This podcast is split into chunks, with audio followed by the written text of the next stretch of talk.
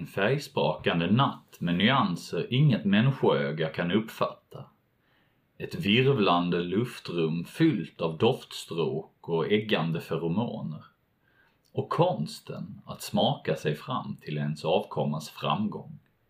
Välkomna till fjärilarnas märkliga sinnevärld.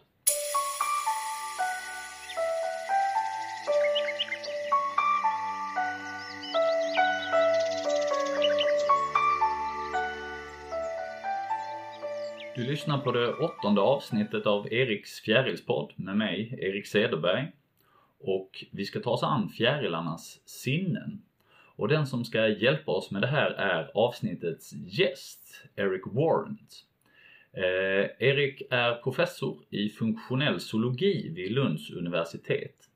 Han är född och uppvuxen i Australien men har varit verksam i Lund sedan 1990. Och Eriks forskning om djurs sinnen och sinnesorgan har främst varit fokuserad på hur nattaktiva djur kan se även i mycket svagt ljus. Eh, och I det här avsnittet så berättar han för oss om fjärilarnas olika sinnen och sinnesorgan. Och dessutom så får ni veta mer om hans spännande forskning om den australiensiska bogongfjärilen Agrotis infusa.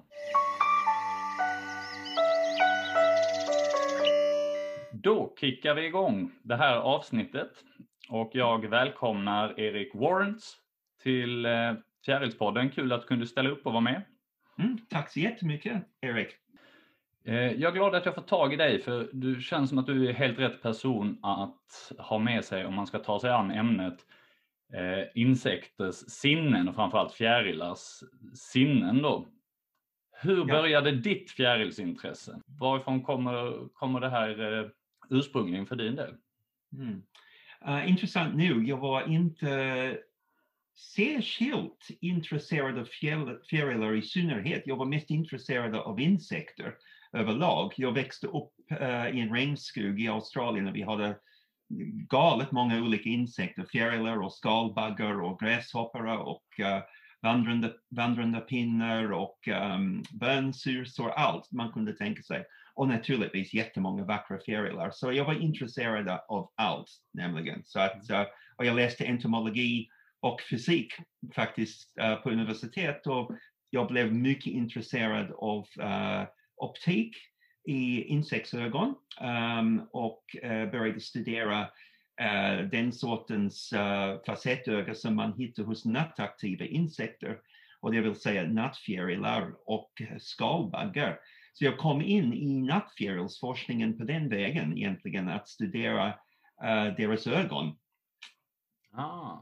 Ja, men det är intressant och det får vi anledning att dyka djupare i. Men eh, eh min tanke var att vi, vi bekantar oss först med fjärilarnas eh, sinnen och sinnesorgan och sen kan vi eh, ta oss an din forskning för det är väldigt intressant det lilla jag har eh, hunnit titta på. Så det vill jag gärna höra, höra mer om. Men jag tänker att rätt sätt att ta sig an det här kan vara att, att jämföra med oss människor och vi har sinnen och sinnesintryck. Och om man jämför människor och fjärilar då så är det ju väldigt olika djur, vi, vi är inte nära besläktade. Men en sak man noterar som är inte direkt samma, men det är samma grej. Vi har syn, vi har ögon, ser man ju direkt på, på, på många insekter. Eh, och facettögon som du, som du nämnde. Vad skulle du säga, vad är likheterna och skillnaderna här mellan insekter, specifikt fjärilar och människor och vårt sätt att se? Mm. Ja, facettögon, de, de är uppbyggt på um, små optiska enheter som um, är tubliknande. Så eh, ögats uppbyggnad uh, är väldigt annorlunda, är olika mellan människor och insekter. Så de Facetögon är eh, som sagt eh, de är uppbyggda av små optiska enheter som har en tubliknande form där det finns eh, ljuskänsliga celler och linser i varenda en av de där små enheter. Um, uh, så man packar in de här enheterna i en sfärisk öga, eller mer eller mindre sfärisk. Inte alltid är de sfäriska, men hos fjärilar åtminstone är de vanligtvis sfäriska. Um, och uh, desto fler ehm, um, sådana uh, eh, enheter man kan stoppa in i ett öga, i ett facett öga, um, uh, ju högre upplösningsförmåga man får. Um, så, men däremot i en typisk fjäril, dag, uh, dagsfjärils ögon, de, de har ungefär oh, 20 till, ja, cirka 20 000 sådana uh, små enheter och varenda en av dem utgör en enda, eller är ansvarig för en enda pixel i omgivningen. Så det betyder då att en uh, fjärilsöga uppfattar cirka 20 000 pixlar. Okay. Och det är inte många. Uh, i, I vår näthinna kan vi uppfatta många miljoner pixlar. Så det är den största första skillnaden. Uh, inte bara uh, hur ögat är uppbyggt, men även upplösningsförmågan som är betydligt sämre uh, hos fjärilar och så insekter. Då, så de, de, är bara fem gånger bättre än de här 4K-bildskärmarna som vi kan köpa nu då med 4000 pixlar? Precis. Okej. Okay. Och, och de är dessutom, de här skärmarna, en mycket mindre del av omgivningen. Det är en, en liten del av omgivningen. Så att uh, uh, nattfjärilar och insekter, um, och förlåt mig, fjärilar och insekter um, överlag, de kan se i nästan alla riktningar samtidigt. Så de, de delar upp hela världen i de där 20 000 pixlar. Så det, det är rätt så mycket grövre upplösningsförmåga jämfört med oss. Men man ska inte underskatta dem för det, för de har en fantastisk förmåga att se ändå. För, för det, det jag tänker, när vi talar syn, nu, nu är inte jag eh, så kunnig inom det här, men det finns ju skillnader att, att tala om i, i skärpa och i vilket ljusspektrum man kan uppfatta och så här. Eh, mm. vad, vad, ser vi för skillnad där? För att det låter ju som att de här ögonen är sämre, eh, alltså inom citattecken en människoögon när du säger 20 000 pixlar. Men vad, vad, är fördelen med att ha ögonen ordnade på det sättet som fjärilar har? Mm. Ja, de, de har, um, trots den här lägre upplösningsförmåga, um, har de möjlighet däremot att se mycket snabbare än vi. Så när vi tittar på en ljusrör på taket, de blixtrar av och på uh, ungefär 50 gånger i sekund, men vi vi uppfattar inte den där um, av och på. Den, den ser ut som en konstant jämnt ljus för oss när vi tittar på det. Men för en, för en fjäril däremot, uh, de har ingen som helst problem att se dem, de, den här blixtrandet. Uh, de har möjlighet att urskilja långt över 200 ljusblixtar i sekund. Um, och insekter överlag har den möjligheten faktiskt. De ser mycket snabbare än människor. Uh, och det är på grund av att de rör sig snabbt helt enkelt. Ja. Och, och det här är en del i, i, att de är så skickliga på att ta sig undan om man försöker fånga dem eller om ett rovdjur ger sig på dem gissar jag. Ja precis. De djuren som har de snabbaste um, ögon är faktiskt vanliga flugor. Och det är väldigt, väldigt svårt att uh, fånga en fluga uh, i luften med handen på grund mm. av att de ser dig långt innan du har möjlighet att uh, reagera. Mm tricket är att sikta lite högre än vad man tror är tipset till lyssnarna yes. som vill, vill försöka. Precis. Eh, ja. Eh. Men det är det, det, är det ena. Uh, och sen har de även färgseende som vi har. Um, och vår färgseende, vi tycker vi ser väldigt fin färger. Uh, vår färgseende är väldigt fin, men det är överraskande grovt egentligen jämfört med de flesta andra djur. Och det finns många uh, fjärilar, uh, dagsfjärilar i synnerhet, som har fantastiskt färgseende som är mycket mer nyanserad än vår färgseende. Och det är på grund av att de har flera olika sorters um, uh, ljuskänsliga celler som kan uppfatta olika färger. Uh, många fler än vi har möjlighet att se. Så de ser, många fjärilar ser inte bara alla färger som vi ser, men de ser även en hel spektrum av färger som vi har ingen möjlighet att se. Och det, det är de där färgerna som ligger i den ultravioletta delen av spektrumet. Uh, vi har ingen möjlighet att se ultraviolett ljus eftersom vi inte har den sortens fotoreceptor mm. som har möjlighet att absorbera och uh, tolka ultraviolett ljus fjärilar och andra insekter har däremot den möjligheten.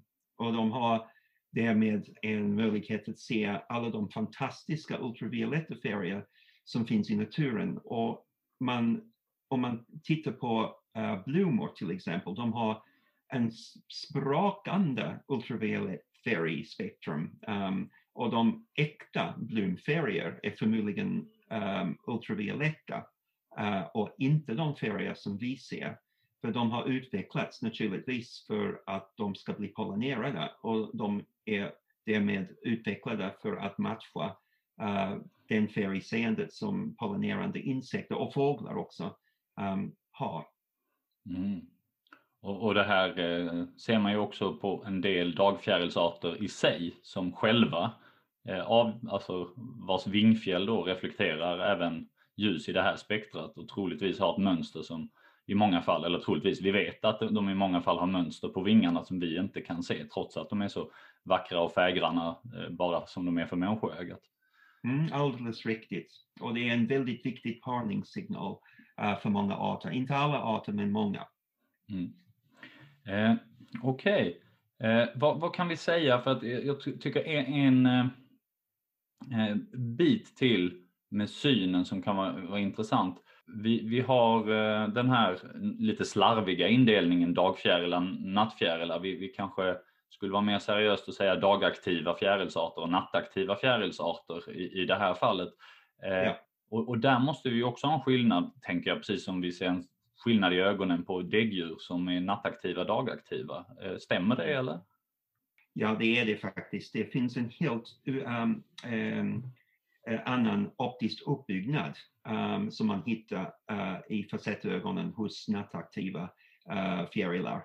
De har vad vi kallar för superpositionsögon och den typen av optik um, de har är mycket känslig så de har möjlighet att ta emot minst uh, flera hundra till några tusen gånger mer ljus um, än de, den typen av uh, facettögon som dagaktiva fjärilar har. Så att uh, den typen av ögon som de dagaktiva har kallas för apoppositionsfacettögon uh, eh, och de, de är betydligt mindre känsliga för ljus. Men som dagaktivt fjäril, man behöver inte en hög känslighet heller, för det finns naturligtvis mycket ljus, det är ingen, ingen fara. Um, men med de här mycket känsligare facettögon, nattaktiva fjärilar har möjligheterna att se betydligt bättre i mörker än vi människor. Så de har en, en överlägsen uh, synförmåga på natten jämfört med oss. Och de till exempel har möjligheterna att se och urskilja färger under natten och den förmågan har inte vi. Mm. Så de har en fullutvecklad um, färgseende under natten för att leta fram um, till blommor som också har färger under natten. Och de flesta inte riktigt förstår detta men världen är lika färgglatt under natten som under, under dagen. Mm. Uh, det är bara att det är mycket svagare ljus men färgerna finns kvar. Ja, det, det är fantastiskt att, att, tänka sig hur mycket som är dolt för oss människor bara för att vi är ja, men, utvecklade för, för det liv som vi utvecklats för och att det finns liksom ja, hel, hela dolda världar som, som, eh, som du säger. Yeah. Eh, är det någon del av eh, synen som vi, vi har missat eller eh, ska vi gå över och diskutera någon, någon annat eh, sinne på, hos fjärilarna? Vad säger du? Ja, um, fjärilar har även möjligheterna att urskilja polariserat ljus. Okay. Uh, eh, som är en, en, en speciell, speciell typ av ljus som um, Eh, finns runt omkring oss, men vi människor inte heller har möjligheten att se. Det finns ett mönster i himlen till exempel som ser ut som en, en bred um, och en väldigt vacker mönster faktiskt, en symmetrisk mönster som är lite cirkelformad um, och som har en symmetri som uh, fjärilar och andra insekter har möjligheter att se och använda sig av som en slags kompass för att orientera sig långt uh, i raka linjer.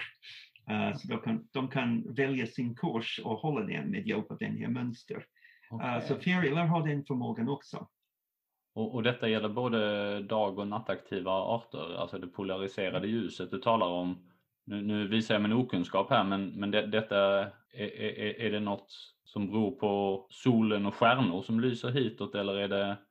Ja, det gör det. Det är faktiskt um, polariserat ljus uppstår i himlen på grund av att uh, ljusstrålningar studsar mot partiklar i luften. Ah, Och sen när de studsar iväg från de här partiklarna, de får en viss riktning. Um, det, är lite, det är lite komplicerat att gå in på. ja, Uh, jag vet inte hur mycket intress hur intressant det är för nej, vi, vi, vi, får hitta, vi får tipsa någon eh, fysik eh, podcast så att du kan gästa dem också. Eh, ja, Men, men det, men, man kan säga så här Jeremy, som svar på din fråga, um, att det finns polariserat ljus även uh, under natten och den uppstår kring månen på samma sätt som uh, polarisationsmönstret uppstår kring solen under dagen.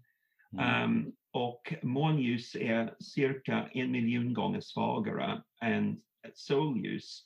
Och den här polarisationsmönster är därmed också en miljon gånger svagare under natten. Men det finns nattfjärilar och andra nattaktiva insekter som har möjligheter att använda sig av månens polarisationsmönster för att orientera sig och navigera även under natten. mm. Är, detta en fördel om det, är- om det är ett molntäcke specifikt eller är det alltid en fördel? Uh, om det finns ett mol- molntäcke eller om det är en natt utan måne, då finns det ingen möjlighet att använda sig av polarisationsmönstret, för det finns Ah. inte tillgängligt. Okej. Ja, Ja. Då måste man hitta på någonting annat. Ja, ja, ja. Ja. Eh, Okej. Vä- väl, väldigt intressant. Jag, jag lär mig mycket kan jag säga. Eh, om, om vi går vidare, för det som är lite, lite märkligt, om man försöker gå vidare så märker man ju snabbt ögonen ser man ju direkt på en fjäril, men sen är det svårare att hitta sinnesorgan som, eh, som, som sitter på samma ställe och ser likadana ut så att säga. Eh, jag tror syn och hörsel är, är väl eh, de sinnen som de flesta uppfattar som ganska centrala för oss eh, människor. Kan vi tala om hörsel hos, eh, hos fjärilar Vad, och, och hur hör fjärilar? Ja, eh, fjärilar, ehm, och vissa fjärilar, i synnerhet nattfjärilar, har välutvecklade öron som är eh, lokaliserade väldigt ofta i den här mittdelen av kroppen. Ehm, och de har utvecklats, eh, inte för att höra ljud som vi är vana att höra, så vi, de utvecklades inte för att lyssna på musik eller de flesta andra ljud som vi är vana med att höra, men de har utvecklats istället för att höra ett väldigt specifikt, mycket högfrekvent ljud som um, produceras av fladdermus. Och fladdermus använder sig av um, väldigt um, högfrekventa ljudpulser som de skickar ut. Och, och, och de lyssnar för, för ekoljud som studsar tillbaka från olika föremål. Och, och det som de är mest intresserade av är flygande nattfjärilar och andra insekter, men, men definitivt nattfjärilar för de är en, en väldigt bra matkälla för um, fladdermus. Um, och så att för att höra den här har um, nattfjärilar utvecklat uh, de här mycket känsliga öron som är riktigt nära anpassad för att ta emot högfrekventa ljudpulser från fladdermus och i stort sett ingenting annat. Och de använder dem som en slags um, triggersystem, om man vill säga så. Att, att de analyserar ljudpulserna och, och om de börjar komma närmare och ha en högre intensitet och börja, och, och börja, om de börjar höra dem komma med en, en, en högre pulsfrekvens, då vet de att fladdermusen är på väg att faktiskt um, nå dem. Så de då som följd av detta uh, sin, um, uppfattning. De, de helt enkelt slutar flyga, håller vingarna tätt mot kroppen och ramlar rakt ner i luften mot marken och kom, och kom i sista sekunden under um, uh, fladdermusens angrepp. Mm. Det, det, det, är, det är så extremt häftigt den här evolutionära kapprustningen ja. mellan fladdermöss och nattfjärilar. Jag, ja. jag, jag, jag, inte, jag har inte hundra koll på det men det lilla jag har läst har gjort mig sugen på att någon gång spela in ett avsnitt som bara handlar om, om fladdermöss och nattfjärilar. Uh, för det är, uh, det, det, är väldigt häftigt. Uh, ja, det finns experter på detta i Danmark bland annat. Så det, okay. Ja, då får lyssnarna stå ut med lite danska eller får jag Ja. se hur vi gör. Ja. Men, men det här borde ju göra då om, om, man, om man utgår från att, från att djur är anpassade till sin omgivning, nattfjärilarna anpassar sig eh, utefter vilka predatorer som jagar dem. Eh, då gissar jag att vad gäller dagfjärilar så har vi mycket sämre förmåga till hörsel, om alls någon hörselförmåga. Stämmer det? Nej, faktiskt inte. Um, även um, om, om nattfjärilar har väldigt väl um, utvecklade öron. Um, det har även dagfjärilar. Um, de har dem inte på mellankroppen som, som nattfjärilar, de har dem istället på vingarna. Uh, de finns ganska nära den delen av vingen som är kopplad till mellankroppen, uh, så de faktiskt finns på, på, på vingarna. Och de här små öron är um, tänkt att um, uh, användas till att höra predatorer och främst, främst fåglar som de kan höra um, när de kommer bakifrån. Så att de, de har ganska utmärkt hörsel i riktningar som är uh, bakom fjärilen. Nämligen. Okay. Men, men är, lyssnar de då efter, då lyssnar de inte efter fågelsång, alltså lyssnar de efter vingljuden från fåglar? Ja, förmodligen. Det är förmodligen så att jag tror att de inte reagerar bara på grund av att, att uh, fåglar sjunger. Vanligtvis när fåglar sjunger, de jagar inte. De, Nej, de försöker klara sig, så de, de, de är inte farliga i det stadiet. Det, jag skulle gissa då att de använder sina öron för att höra vingslag. Ja, så då kan man anta att även där är det vissa frekvenser som deras öron kan uppfatta medan andra eh, är de döva för så att säga. Ja, precis. Jag, jag kan inte säga på raka arm vilka frekvenser eh, vingslag eh, innehåller, eh, vilka ljudfrekvenser. Men ehm, eh, jag skulle gissa att det finns en hel del frekvenser som är ehm, um, hörbara även för oss. Och det, det är det också. Det finns många frekvenser som, som man, vi hör också när, när um, fåglar eh, uh, flyger. Så att um, jag skulle gissa att det är en helt annan frekvensområde de ansvarar för än till exempel nattfjärilens öron. Ja, ja. Men, men eh, det man kan säga här är att det verkar som man alltid offrar någonting med, med sin syn och hörsel. Om man är riktigt bra på en sak så kan man inte vara bäst på något annat. Så är man sjukt duktig på att uppfatta eh, fladdermusens eh, eh, ekolod så, så, så då har man samtidigt offrat förmågan att höra andra frekvenser. Liksom. Absolut. Och, och det, det som du säger nu är mycket intressant och viktigt på grund av att sinnesorgan är vanligtvis väldigt dyra när det gäller energikravet.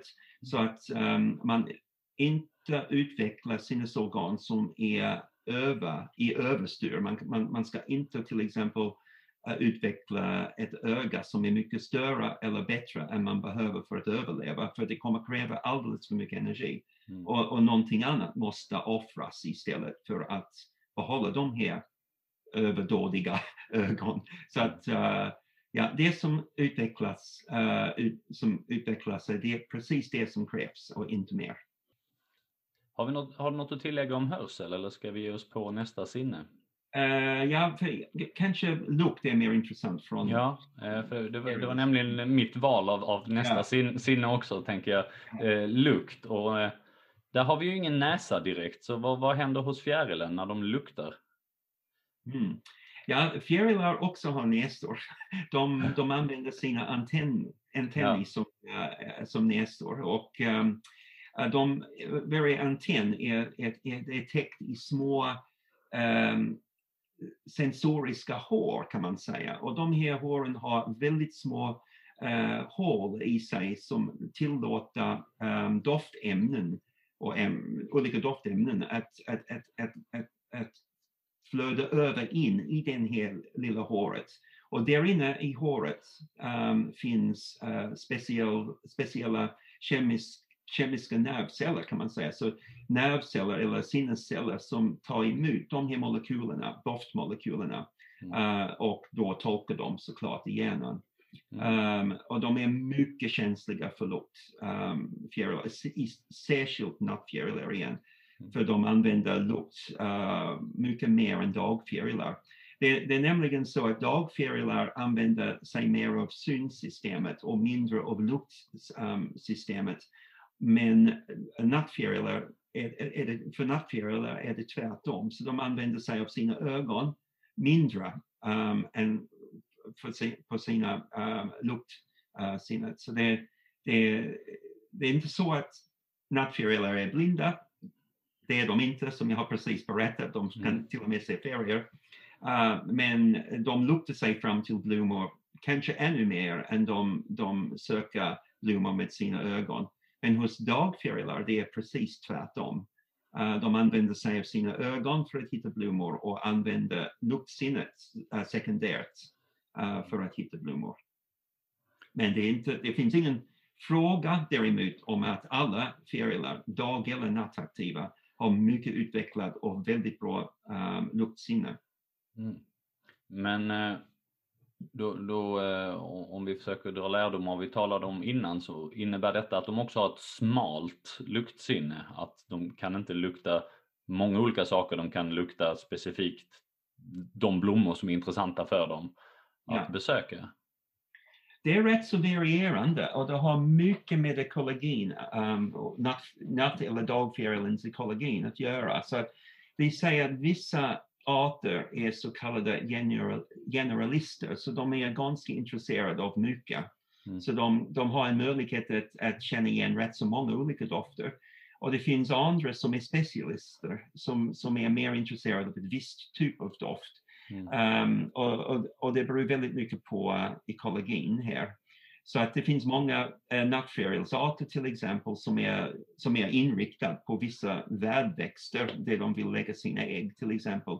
Och naturligtvis när det gäller um, feromon, feromonmolekyler, så de här sex molekyler kan man säga som eh, vanligtvis hannan utstrålar för att locka till sig, uh, förlåt mig, hundar utstrålar för att locka till sig hannar. Um, eh, de här specialiserade molekyler är otroligt artspecifika. Och det är väldigt viktigt naturligtvis för att um, man ska se till att, att hannen och honan av samma art ska träffa varandra för att para sig. Och det ska inte bli någon sorts misstag där. Nej. Så de här molekylerna är mycket specifika vanligtvis, men inte mm. vanligtvis alltid. Och eh, det här kan man ju faktiskt se. Dagfjärilar har ju doftfjäll på vingarna som man hos vissa arter till och med kan, kan se om man med lite, med lite övning så är det rätt lätt att se det exempelvis på eh, silverstreckad pärlemorfjäril och även andra pärlemorfjärilsarter så kan man se att det finns ett streck, en strimma av fjäll på eh, vingovansidan på, på framvingen. Och även mm. hos många av smygarna kan man se på skillnader mellan hannen och honan i ja. att det finns ett en, en, streck av fjäll då. Ja, uh. ja men det stämmer. Så det, det, luktsinnet är använd även um, bland uh, dagaktiva fjärilar inom parningen. Uh, mm. Men hos dagaktiva fjärilar däremot är syn, synsystemet riktigt viktigt för mm. detta. Så och, det och, och det intressanta där är ju att rollerna verkar vara omvända. För nattfjärilarna där är det honorna som har feromonerna och lockar hannarna. Ja. Medan hos dagfjärilarna är det hannarna som har de här vingfjällen. Och det verkar, mm. om, om jag har förstått det rätt så är det snarare för att försöka ägga upp en hona och, och, och göra henne parningsvillig när de ja. väl har, har hittat henne. Så ja. har man lite tur så kan man få se en hanne som flyger runt, runt, runt en, en hona. Även om honan är på flykt framåt så gör han loopingar runt henne. Jag har fått se det någon gång. Det är, det är riktigt ja, det häftigt. Stämmer. Ja, det stämmer och det är faktiskt häftigt. Mm. Jag håller med. Och eh, jag tänkte eh, Eh, för, för, för, lyssnare som, som tycker det här verkar vara intressant och så, så, så är det ju faktiskt så att forskare har lyckats eh, syntetisera Eh, fjärilsferomoner. Så det går ju att beställa feromoner för att locka till sig hannarna från vissa arter. Eh, och då kan man titta på station Linnés hemsida så finns det eh, möjlighet att göra det. Jag vill bara, bara säga det för de som är riktigt fjärilsintresserade. Det är en rolig del av hobbyn också. Eh, mm. För då kan man locka fram och se vilka arter som finns i landskapet. Och, och sådär. Ja, det är väldigt kul faktiskt. Och, och den här med att använda feromoner för att locka uh, nattfjärilar används även i jordbruk uh, för att försöka hindra um, nattfjärilar att lägga sina ägg på, på uh, olika uh, växter som man odlar i landskapet. Eh, Okej, okay, lukt. Det, jag, jag kom på en, en luktkälla till som vi inte pratat om. Det finns ju vissa arter som dras väldigt starkt till spillning, urin och saker mm. som vi människor tyckte, tycker luktar väldigt illa. Så där verkar det också finnas en, en förmåga. Det kanske ja. man tycker är mer uppenbart att man lyckas uppfatta den lukten. Men, eh, ja. Ja. ja men det finns mycket annat i, i um, djurbajs än, än bara dålig lukt. Det, det är det, det som, ja. inte om det. Nej, precis. Det är, det är en, eh, vad heter det? Det är en mänsklig åsikt att det luktar illa. Fjärilarna är av en annan uppfattning kan vi säga. Ja, ehm. utöver min fjärilsforskning har, har jag jobbat mycket med dyngbaggar. Så att, ja, ja, ja. ja, så att de, eh, de är väldigt intresserade naturligtvis av, av djurspillningar och för, god an, för bra anledningar. Mm. En, en, en, sista fråga vad, vad gäller lukt då. Eh, för du, du sa här, fjärilar luktar med sina antenner. Men vi ser ju väldigt olika form på antenner mellan olika fjärilsarter. De, arter vi kallar för dagfjärilar, de har en klubba längst ja. ut på sin antenn och det ser vi hos bastardsvärmare också. Och sådär. Eh, medan nattfjärilar, där har vi trådformade och kamformade uh, antenner. Luktar de på olika sätt här eller hur kommer det sig att den här utformningen är så olika? Mm.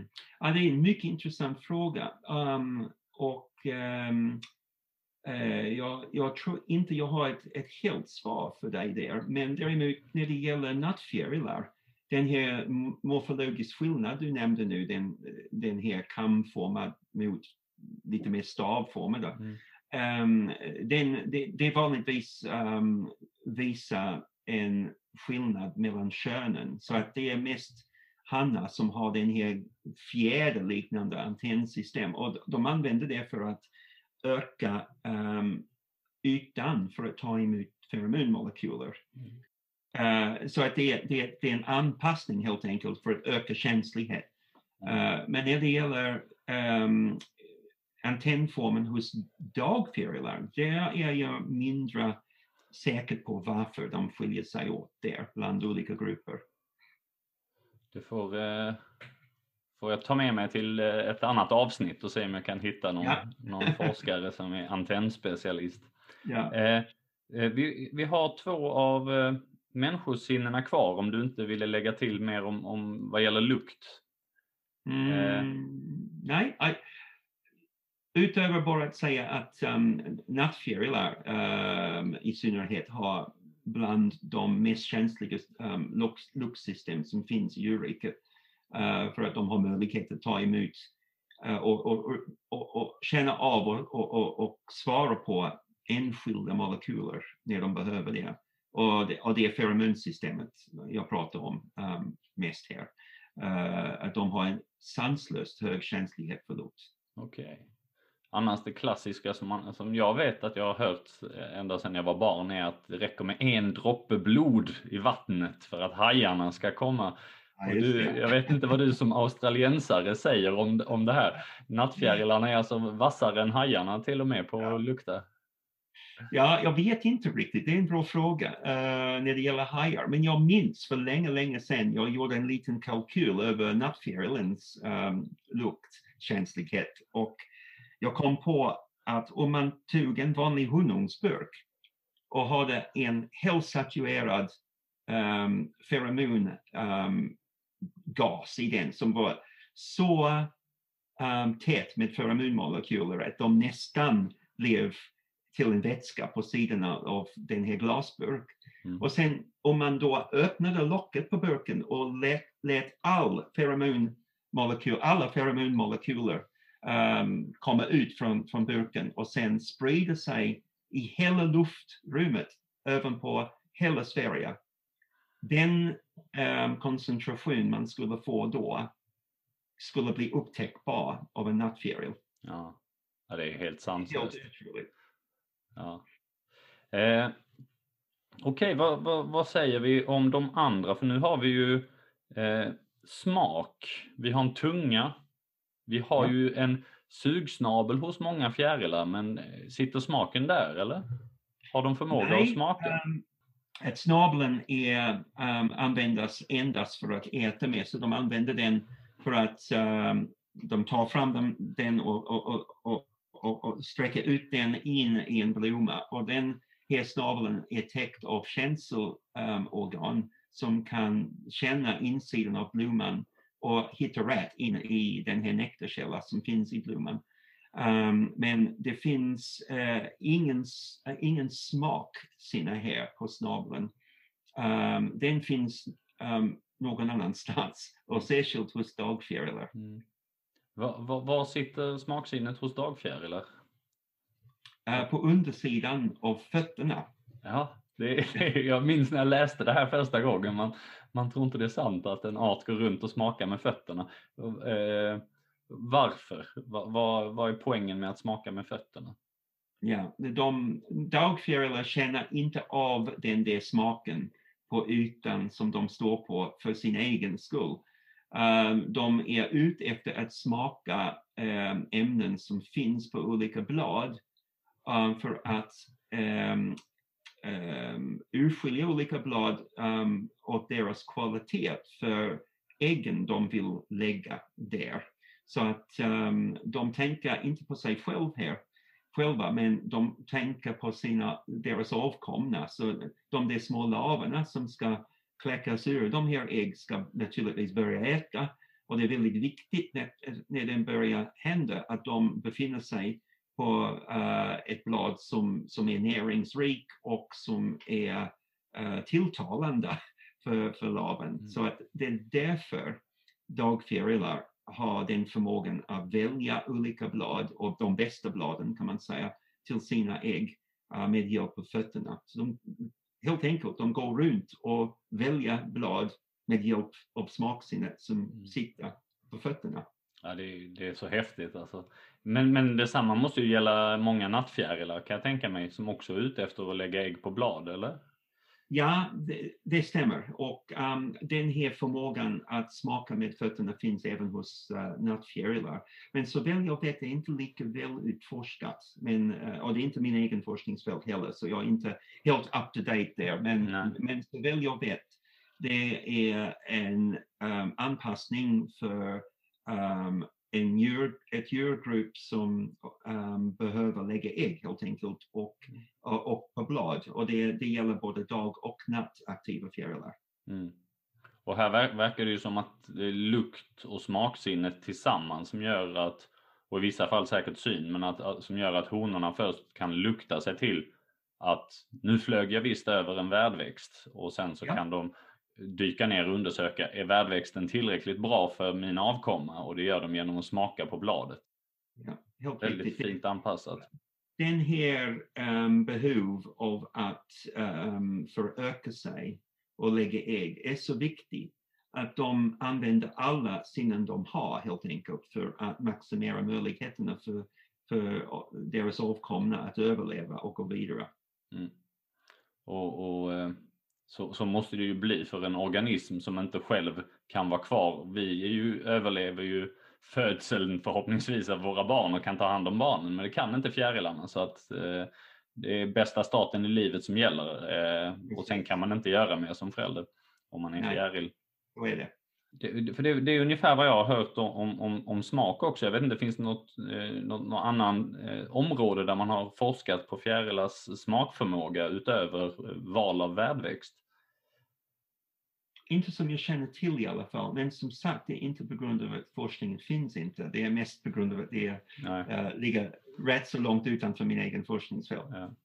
Ja, det, det, finns ju hur mycket som helst när man väl börjar gotta ner sig i litteraturen. Ja. Eh, den, eh, den sista här, eh, sista sinnet som människor har, det var du inne på också, känsel, att fjärilar har också känsel. Ja. Och du nämnde sugsnabeln specifikt på blombesökande fjärilar. Finns det, är det den specifikt som man har kommit fram till att man har känselförmåga eller har de det över hela kroppen på samma sätt som vi människor? Ja, de har det faktiskt. Så det är, det är ingenting som man hittar enbart hos, um, på den här um, ehm, sugsnabeln. De har väldigt många, till exempel, som alla insekter har, väldigt många um, vindkänsliga um, hår på olika delar av kroppen och väldigt många på huvudet. Och anledningen till att de har det är att de har möjligheten att uh, urskilja vindriktningar, till exempel när de flyger. Så att uh, till exempel om man kan tänka sig att hela huvudet är täckt i sådana så kallade vindkänsliga hår. Um, om vinden pustar från en sida, då kommer alla dessa hår på en sida av huvudet att böja sig i vinden. Och den böjningen leder till att en hel del nervceller um, som befinner sig i varje vindkänslig hår börjar reagera på den där böjningen och skicka signaler till hjärnan för att berätta att det har varit en väldigt stark vindpust från vänstersidan och förmodligen har du som fjäril blivit bortblåsta i den riktningen och, och, och därmed aktiveras hjärnan uh, flygmuskler till exempel som försöker um, ta um, fjärilen tillbaka på rätt spår igen. Så att de är inte helt enkelt um, de inte helt enkelt kommer bort från, från den riktningen som de vill flyga i. Det är ju, det är ju sjukt coolt. Det, det, hade jag faktiskt inte en aning om. Det var väldigt roligt att, att, att få lära sig. Eh, min tanke var att, ja men det är, som du sa om sugsnabeln är ju självklart att där måste de ha känselceller. Men det, det, är klart att de behöver det för att navigera i luftrummet också, det, eh, nu när du säger det. det. De är ganska likt vår egen äh, hårstrå som finns över hela kroppen också. De, de också är um, käns, känsliga för rörelse, så man, man kan få de här kittlande känslor om man, man rör i dem. Mm. Och, och, naturligtvis använder vi inte dem på samma sätt som en, en, en fjäril, men um, uh, de är inte helt olikt i uppbyggnaden och uh, hur de fungerar. Mm. Ja, coolt. Uh, vad säger du, har vi täckt in människosinnena? syn, ja. hörsel, lukt, smak, känsel? Ja, that's it. that's it. Mm. Men eh, jag vet att det finns mer än så att säga om eh, eh fjärilars sinnesorgan och förmåga att varse bli världen runt omkring sig. Och det är ju faktiskt på grund av dig till viss del får man väl säga. Det är, det är här vi får ta och dyka djupare i din eh, Eh, mm. Vad kan du säga lite mer eh, generellt om, om, om din eh, forskning och sen mer specifikt om det här resultatet? För du har ju hittat ett sjätte sinne. Om vi mm. lite tillspetsat kan man säga att du har hittat ett sjätte sinne hos en fjärilsart. Hur, hur kom det sig att det hamnade där? Vad, är det du har, hur, vad har du fokuserat på i din forskning? Ja, det var en bra fråga, Erik. Ehm, det som intresserar mig mest um, är nattaktiva insekter och deras synförmåga. Så hur bra de ser under natten, hur känsliga de, de är för ljus, vilka optiska anpassningar de har utvecklat för att se eh, uh, bra under natten och vilka uh, olika neuroniska tricks kan man säga i hjärnan har utvecklats för att förbättra synförmågan uh, under natten hos insekter, för de har en sanslös bra um, seende under natten. Och det är det som vi försöker förstå.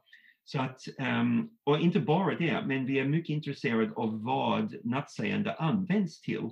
Och en väldigt viktigt område för nattaktiva djur, precis som för dagaktiva djur, är navigering över mindre och längre sträckor. Um, och under många, många år jag har jobbat med um, orienteringsförmåga under natten hos dyngbaggar eh, ute på savannen i Sydafrika.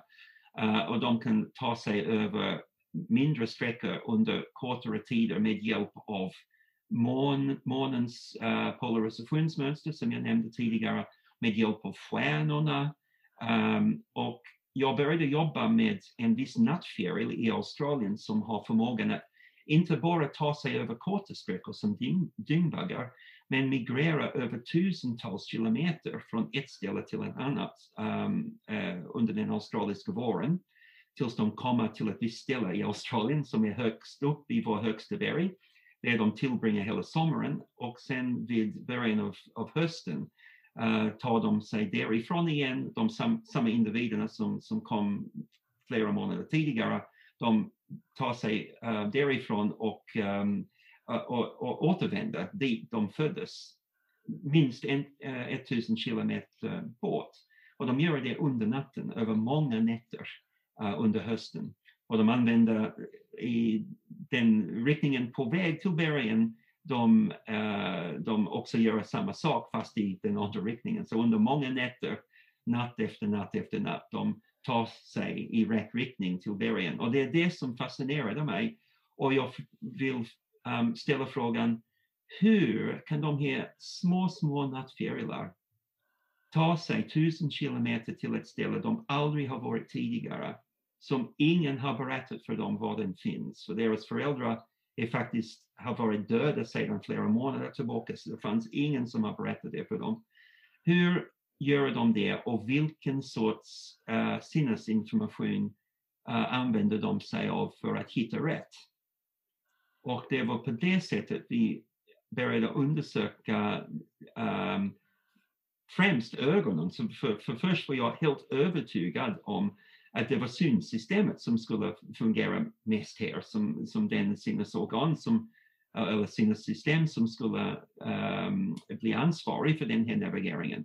Men jag uh, tillsammans med alla som jobbar tillsammans med mig i min grupp, vi upptäckte att det var inte enbart synlig information, men även magnetisk information från jordens magnetfält som de använde sig av en slags kompass uh, som hjälpte dem att ta sig i rätt riktning. Och det är det som är det sjätte sinnet då, att man, de kan uppfatta jordens magnetfält? Just det. Ja. Uh, hur, hur, hur bar ni er åt för att, för att uh, undersöka det här? Hur gör man för att undersöka om de kan göra det här? Liksom? För jag antar att ni är ute i fält någonstans och undersöker fjärilar, eller hur går det till?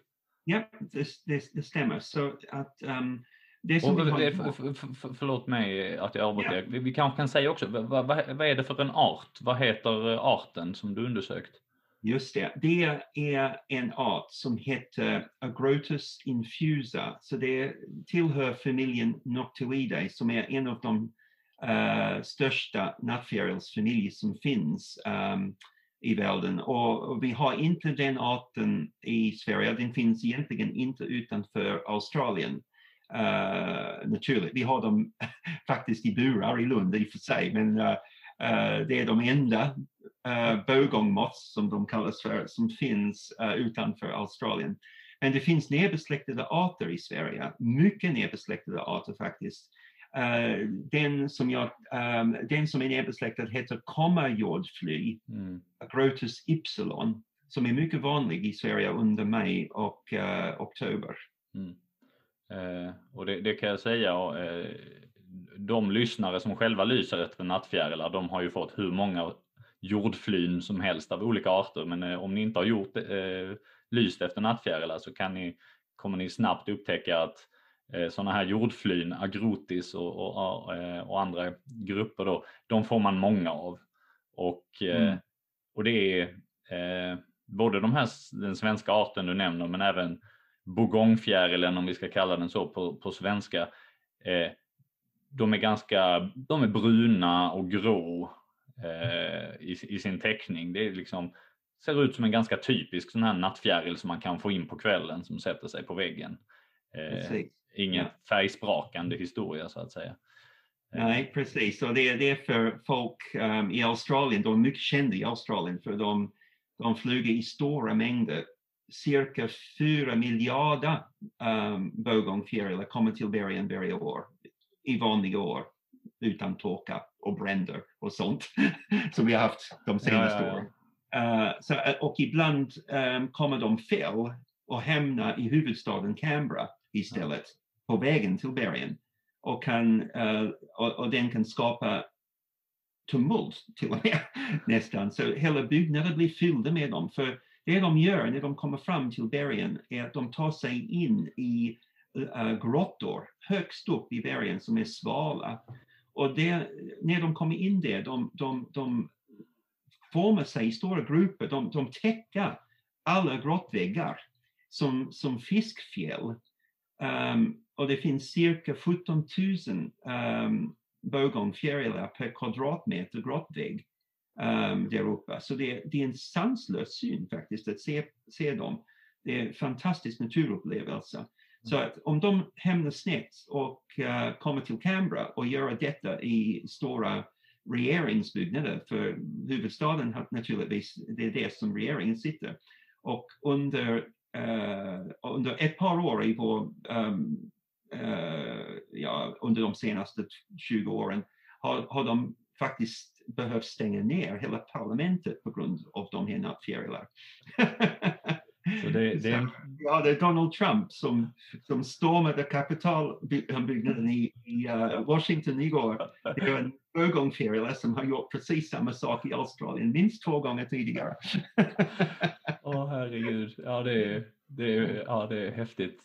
Jag, jag, jag, har ju sett bilder från både från grottorna och det är som du säger, det är helt sanslöst. Och jag har även sett bilder från husväggar i, i, i städer som täcker, men jag visste inte att man har stängt ner regeringsbyggnaderna på grund av eh, eh den här bourgognefjärilen. Det är ju fantastiskt alltså. Eh, ja. men, men alltså de 17 000, de sitter liksom ovanpå varandra mer eller mindre. Alltså det, Nästan, ja, de, de, ehm, de kryper upp under, de stoppar huvudet under. Ja, ja som, det är därför det ser ut som fjäll så tydligt. Ja. Ja. Längre fram. Så det, ja, Ah, nej, det är en fantastisk um, upplevelse att se dem. Ja, och, och, att återkomma till din ursprungliga fråga om hur vi upptäckte magnetsinnet hos dem. Um, vi fångade dem på vägen till uh, um, grottorna eller på väg därifrån, så när de var i den här migrerande stadium. Och sen um, vi limmade en liten metall falk på, på ryggen på fjärilen. Så man, när man gjorde det, man kunde hålla um, den här lilla ja, ståk som vi kallar den. Uh, och de flyger riktigt glatt på, på, på den där. Så de är, de är på något sätt tethered som vi säger på engelska. Så de, man kan hålla dem där. Och sen man kan flyga dem i en arena. Så de flyger som galningar. De har möjligheten att, att flyga i vilken riktning de vill um, mot norr. De kan flyga söd, söderut och norrut, västerut, österut, spelar ingen roll. Och vi då um, försöker mäta vilka riktningar de flyger i. Och sen um, har vi möjligheten att helt enkelt um, ha en magnetfält kring dem som vi producerar själv med hjälp av ett magnetspolesystem. Uh, så vi kan, vi kan producera en, uh, en magnetfält som är precis samma som jordens magnetfält men vi har möjlighet däremot att manipulera fältet och ändra riktningen på fältet till exempel.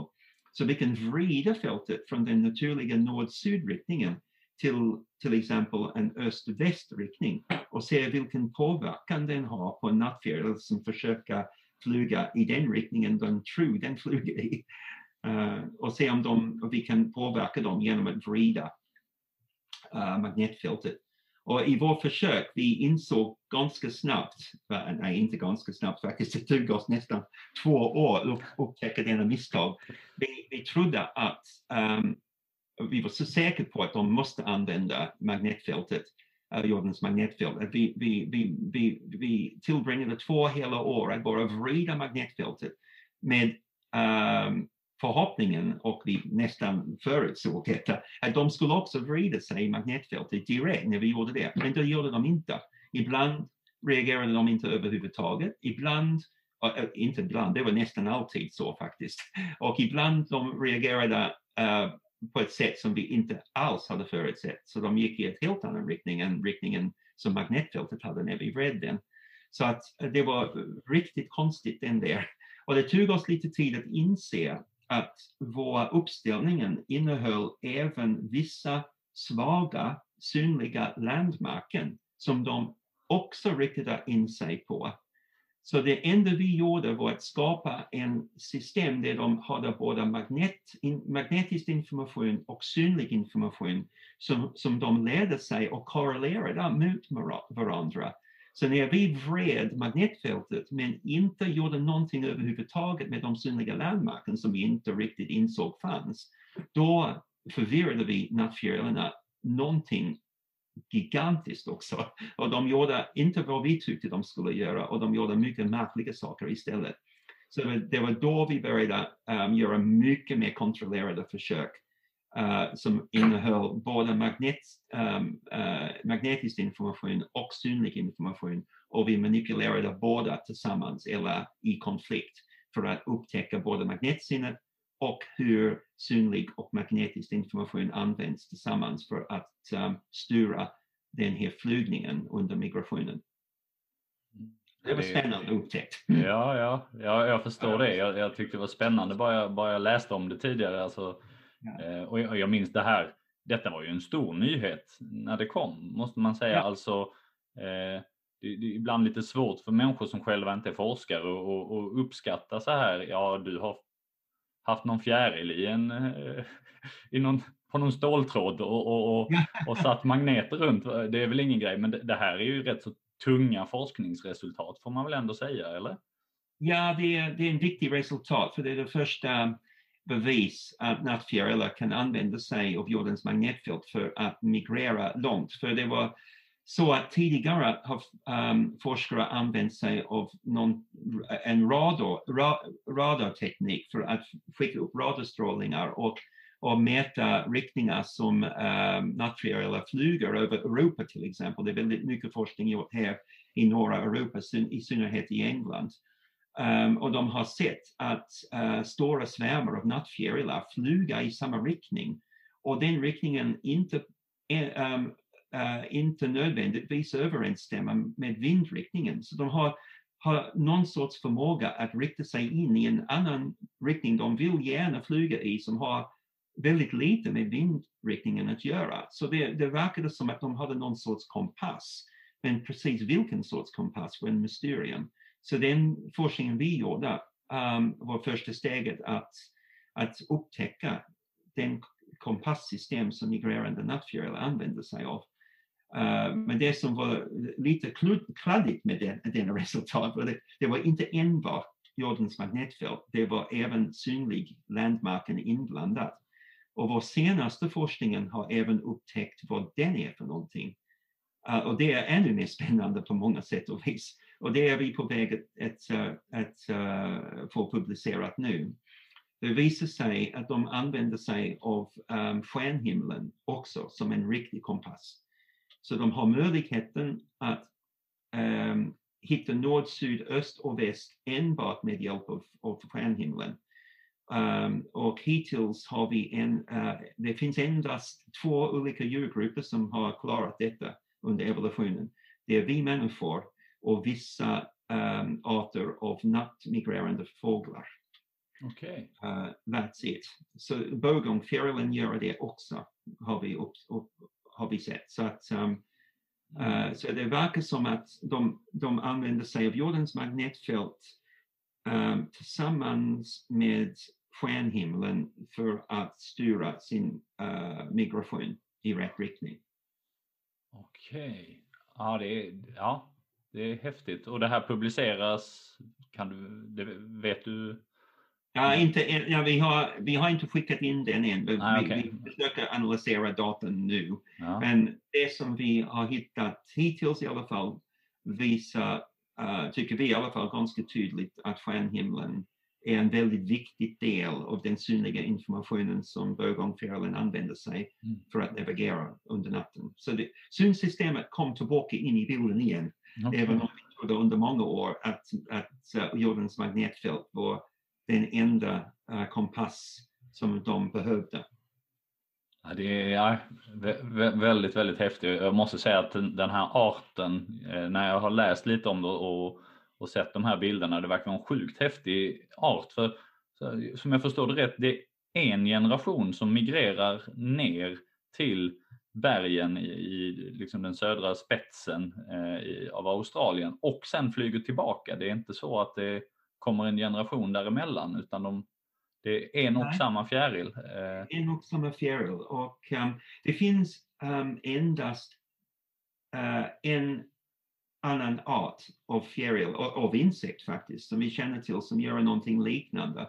Och det är den mycket bättre känd monarkfjärilen i Nordamerika som som också migrerar en jättesträcka, i, ännu längre faktiskt när det gäller monarkfjärilen. Det, det kan bli uppemot 4 till 5 000 kilometer, um, den migrationen. uh, till centrala Mexiko från södra Kanada. Mm. Um, och uh, det är precis som med Bogongfjärilen, um, slutmålet är ett ganska begränsat geografiskt område i central-Mexiko. Uh, Eh, precis som ett, ett, uh, i Australien är en, en ganska begränsad geografiskt område i, eh, upp, längst upp i vår högsta berg. Så det är, det, är, det, är, det är en väldigt speciell sorts migration kan man säga. och de är de enda två fjärilsarter vi känner till i, i detalj i alla fall som gör detta. Um, men monarkfjärilen gör det helt under dagen och Ehm, de använder flera generationer för att klara av detta. Det är en generation som tar sig till Mexiko uh, och sen är det flera som tar sig tillbaks igen följande året, eller följande säsong skulle jag säga, efter, efter vintern. Mm. Eh, och, och, och eh, om vi eh, liksom försöker blicka framåt, kom, tror du man kommer hitta det här eh, magnet, eh, förmågan att uppfatta magnetfält i, i många, många fler arter framöver? Är det här bara en av de första eller tror du det här är något som är väldigt specifikt just eftersom bågångfjärilen måste klara av den här märkliga migrationen? Vad, vad säger mm. du? Och det är långt ifrån första djuret som är känd för att ha ett magnetsinne. Um, det är jättemånga vertebratarter, till exempel ryggradsdjur som är känd med det och andra ryggradslösa djur faktiskt också. Så att ehm, um, nattmigrerande fåglar till exempel är välkänd för sin uh, magnetsinne och, det, och användning av magnetsinnet för att migrera från Sverige till Afrika till exempel och tillbaks igen. Um, och det var på grund av de, den där forskningen faktiskt att vi misstänkte att bågångfjärilarna som måste migrera under precis samma omständigheter, det vill säga under natten med uh, information som, som man kan få under natten, att de kanske skulle ha, precis som nattmigrerande fåglar, att de skulle också ha utvecklat en, en liknande sinnesförmåga eh, uh, för att ta sig till bergen från födelsen, uh, födelseplatsen. Uh, så att vi visste det redan från nattmigrerande uh, fåglar, men havssköldpaddor använder sig av detta, många fiskarter använder sig av, av ett magnetsinne. Uh, det är känt från olika sorters encelliga djur, um, vissa sorters uh, uh, maskar har magnetsinne. Många djur som har ett, ett, ett bevisat magnetsinne har vi inte riktigt koll på varför just de har ett magnetsinne. Uh, men vissa arter som, som havssköldpaddan till exempel, det är väldigt uppenbart varför de skulle ha det. Och det är på grund av att de använder det som en slags uh, naturlig GPS-system. Um, ehm, och det är en mer avancerad sorts magnetsinne som vi tror att bågongfjärilen har. För bågongfjärilen har en kompass, precis som vi skulle använda en magnetkompass. Men utöver det har Ehm, vissa arter som havssköldpaddan även förmågan att känna av var på jordklotets yta de befinner sig med hjälp av, jord, uh, av jordens magnetfält. Och det är på grund av att um, uh, fältlinjerna träffar jordens yta med en viss vinkel som, som varierar över jordens yta. Så den är typ 90 grader, de här fältlinjerna um, träffar jordens yta vid 90 grader vid, uh, vid polerna och nollgrader de är parallella till jordens uh, yta vid uh, ekvatorn. Och, och, allt mellan 0 grader och 90 grader, så det finns en, en, en jämn och fin variation i den här vinkeln från ekvatorn till polen. Um, så den är en, en, fin variation. Och sen även uh, magnetfältets um, styrka kan variera också ganska jämnt från ett ställe till ett annat. Och på vissa ställen på jorden, den här variationen i den här vinkeln, den här fältlinjevinkel och uh, fältets styrka, den där variationen är um, uh, vinkelrätt. Så att den ena varierar i en viss uh, vinkel och en viss riktning och den andra varierar 90 grader mm. um, från den första riktningen. Så att de har en rutsystem, en rutkarta av um, intensitet och vinkel. Mm. Så de, en, varje plats på jordens yta har en unik vinkel och styrka I alla fall på vissa områden på världens yta, inte alla. Uh, så i Nordatlanten till exempel, där man hittar alla havssköldpaddor som har studerats, det finns faktiskt en ganska unik koordinat av intensitet och fältlinjeriktningsangle, uh, uh, fältlinjeriktningsvinkel. Och, och de där två parametrar kan användas av, av havssköldpaddor för att uh, uh, berätta för dem var på jordens yta de befinner sig. Mm. Ja, det, det finns så mycket när man börjar titta på biologi och olika aspekter ja. av det. Det är helt sanslöst. Eh, och det, man märker, vi är ganska stolta över våra uppfinningar och eh, smartphones ja. och sådär, så märker man att det är någon som har utvecklat det där på egen hand eh, ja. många tusen år tidigare. Man pratar om ett, ett väldigt litet djur som en nattfjäril som har utvecklat alla de här sinnesförmågan i en kropp som är så jätteliten. Eh, och det vill jag faktiskt ställa en fråga om. Kan, kan man säga någonting rent morfologiskt, alltså vi har ju pratat om ögonen och smaka med fötterna. Var sitter magnetsinnet på eh, bågångfjärilen? Ja, den här är the holy grail of sinnesbiologi. Ingen vet. Okej. Okay. Det är den sista mysterium inom sinnesfysiologin. Så all, det finns jättemånga laboratorier runt om i världen som söker svaret på den frågan. Uh, och det är vi och mer faktiskt. Vi också försöker hitta magnetsinnet hos bågångfjärilen. Um, ehm, men det är väldigt, väldigt svårt för uh, det som skiljer magnet, in, magnetisk information från till exempel ljus eller ljud eller lukt är att ljus och ljud och lukt och uh, till och med känslor den träffar djurets kroppen på utsidan av kroppen, på hudsidan av kroppen kan man säga. Så att ljuset träffar huden, ljudet träffar huden, luktmolekyler träffar huden. Till och med det som vi känner, um, vi känner med huden. Så att alla känselorgan som ansvarar för, för att känna av ljus och ljud och lukt och känsel finns på utsidan av kroppen, på, ut, på, på, på ytan helt enkelt. Så vi har våra ögon på huvudet, på utsidan av huvudet, där vi ser dem. Vi har våra öron är synliga, vår näsa är synliga och huden som innehåller alla våra känselorgan, eh, den är också synlig på utsidan av kroppen. Men magnetisk information, eller de här magnetfältslinjerna, magnetfältet går rakt igenom alla delar av vår kropp och alla, djur, alla, alla kroppar av alla djur.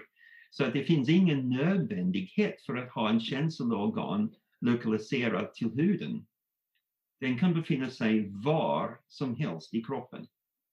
Och den kanske inte ens är någon sorts um, uh, organ man kan upptäcka. Det kan hända att det är en, en grupp celler och kanske till och med en enda cell som är kopplad till en nervcell som tar emot och tolkar magnetinformation.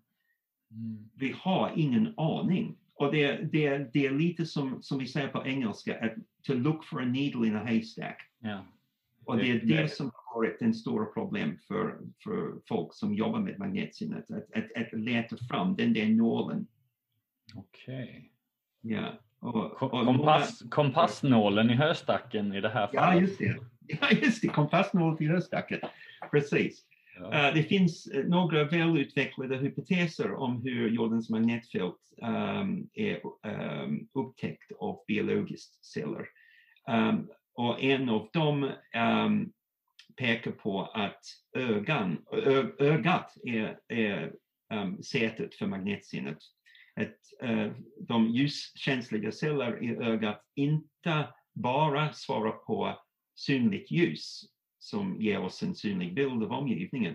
Men vissa av dem har även förmågan att känna av jordens magnetfält via en väldigt komplex uh, biokemisk process som är, har mycket mer med kvantummekanik än biologi att göra faktiskt. Och det är lite, det är lite, lite svårt att förklara det för, för folk som, som har ingen bakgrund i kvantmekanik. Nej. Det låter som ett jobb för någon som har studerat både fysik och entomologi. Ja, precis. Tur, ja, det, för det, det, var min, eh, det var egentligen min avslutande fråga. Vad, vad är det du siktar på framåt i din forskningskarriär? Men då, då hör vi här att det finns ett, eh, ett högintressant forskningsområde att ta itu med som sluter an till din senaste stora upptäckt helt enkelt. Det är fortsätta och, och förklara hur bourgognefjärilen gör. Ja, precis. Så vi, vi är mycket intresserade av hur magnetfältet är upptäckt av bourgognefjärilen, hur informationen från magnetfältet är integrerad med information från stjärnhimlen i hjärnan och hur de signalerna då i sin tur används för att styra flygmusklerna och styra hela migrationen på, på, på den här nattfjärilen. Mm. Uh, så det är, det är viktigt för oss att försöka lösa de här gåtorna uh, i framtiden. Ja, jag önskar dig all lycka till och så får vi väl förhoppningsvis sätta oss ner och spela in ett nytt avsnitt när du har lyckats besvara den frågan också. Tack, det, det gör jag gärna Erik. Tack så mycket. Stort tack för att du var med i podden och var så generös med din tid Erik. Mm, så lite. Tack så mycket.